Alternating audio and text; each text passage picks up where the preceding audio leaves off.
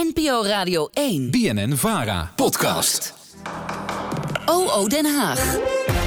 Elke dinsdag gaat onze Haagse redactie op zoek naar het antwoord op een politieke luisteraarsvraag. En deze week ging onze eigen politieke redacteur Sandrine Teloze langs bij Thierry Aartsen. Want die is naast VVD Tweede Kamerlid ook nog eens voorzitter van een zeer bijzondere commissie. De Nieuwsbv. De vraag Aan Den Haag. De renovatie van het Binnenhof gaat zeker twee jaar langer duren en gaat ook meer kosten. Redenen voor de vertraging zijn stikstof en de veiligheidseisen rond het Binnenhof. Die zijn flink opgeschroefd. De verbouwing van het Binnenhof. Dat is zo'n project waarvan het einde nog lang niet in zicht is. De Tweede Kamer is inmiddels bijna gewend aan haar tijdelijke gebouw, maar Mark Rutte zit nog altijd in het torentje. Wanneer moet hij er eigenlijk uit? vroeg luisteraar Isaac zich af. En waar gaat hij dan heen met dat ministerie van Algemene Zaken? Daarvoor ging ik langs bij Thierry Aartsen. Naast Tweede Kamerlid van de VVD is hij voorzitter van de Bouwbegeleidingscommissie. Ja, dat is een bijzonder, eh, bijzonder gezelschap. Ehm, wij zijn een, eh, een club met Kamerleden, maar ook Kamerbewoners. Dus we hebben ook eh, de ambtelijke staf zitten erbij, maar ook vertegenwoordigers van de beveiliging, van de schoonmaak. Ehm, ja, eigenlijk alles en iedereen die hier werkt in het Kamergebouw. Dat zijn er al gauw 1500 mensen in totaal. En wij begeleiden, zoals het woord al zegt, eh, de verbouwing van het Binnenhof. Gelukkig niet eh, wat, betreft de- het budget. En ook niet wat betreft de planning. Daar hebben we helaas niks over te zeggen. Dat zijn gelijk de moeilijkste onderwerpen. Precies, precies. Daar hebben we helaas niks, eh, niks over te zeggen. Eh, maar wij begeleiden wel gewoon hoe het nieuwe gebouw er zo meteen uit komt te zien. Dus als ik een mooi voorbeeld mag, mag geven. We hadden een prachtige, prachtig ontwerp van een, van een architect... die allemaal van die mooie schrootjes bovenaan het plafond had bedacht. Zag er schitterend uit, akoestiek ook heel mooi. Maar toen zei iemand van de, van de schoonmaak... zei, ja, dat, dat is prachtig, maar als wij dat iedere week moeten gaan schoonmaken...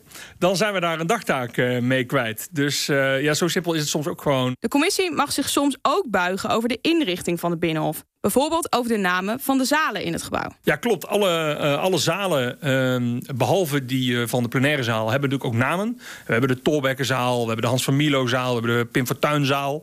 Ehm en we krijgen er een aantal zalen bij. Eh, en nu is natuurlijk het hete hangijzer. welke namen geef je die, eh, die zaal? Ook daar kun je heel erg politiek over speculeren.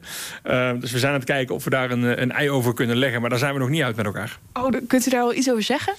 Nou, er ligt een officieel verzoek ehm, eh, om eh, Anton de Kom, eh, verzetsheld in de, uit de koloniale tijd, om die te vernoemen.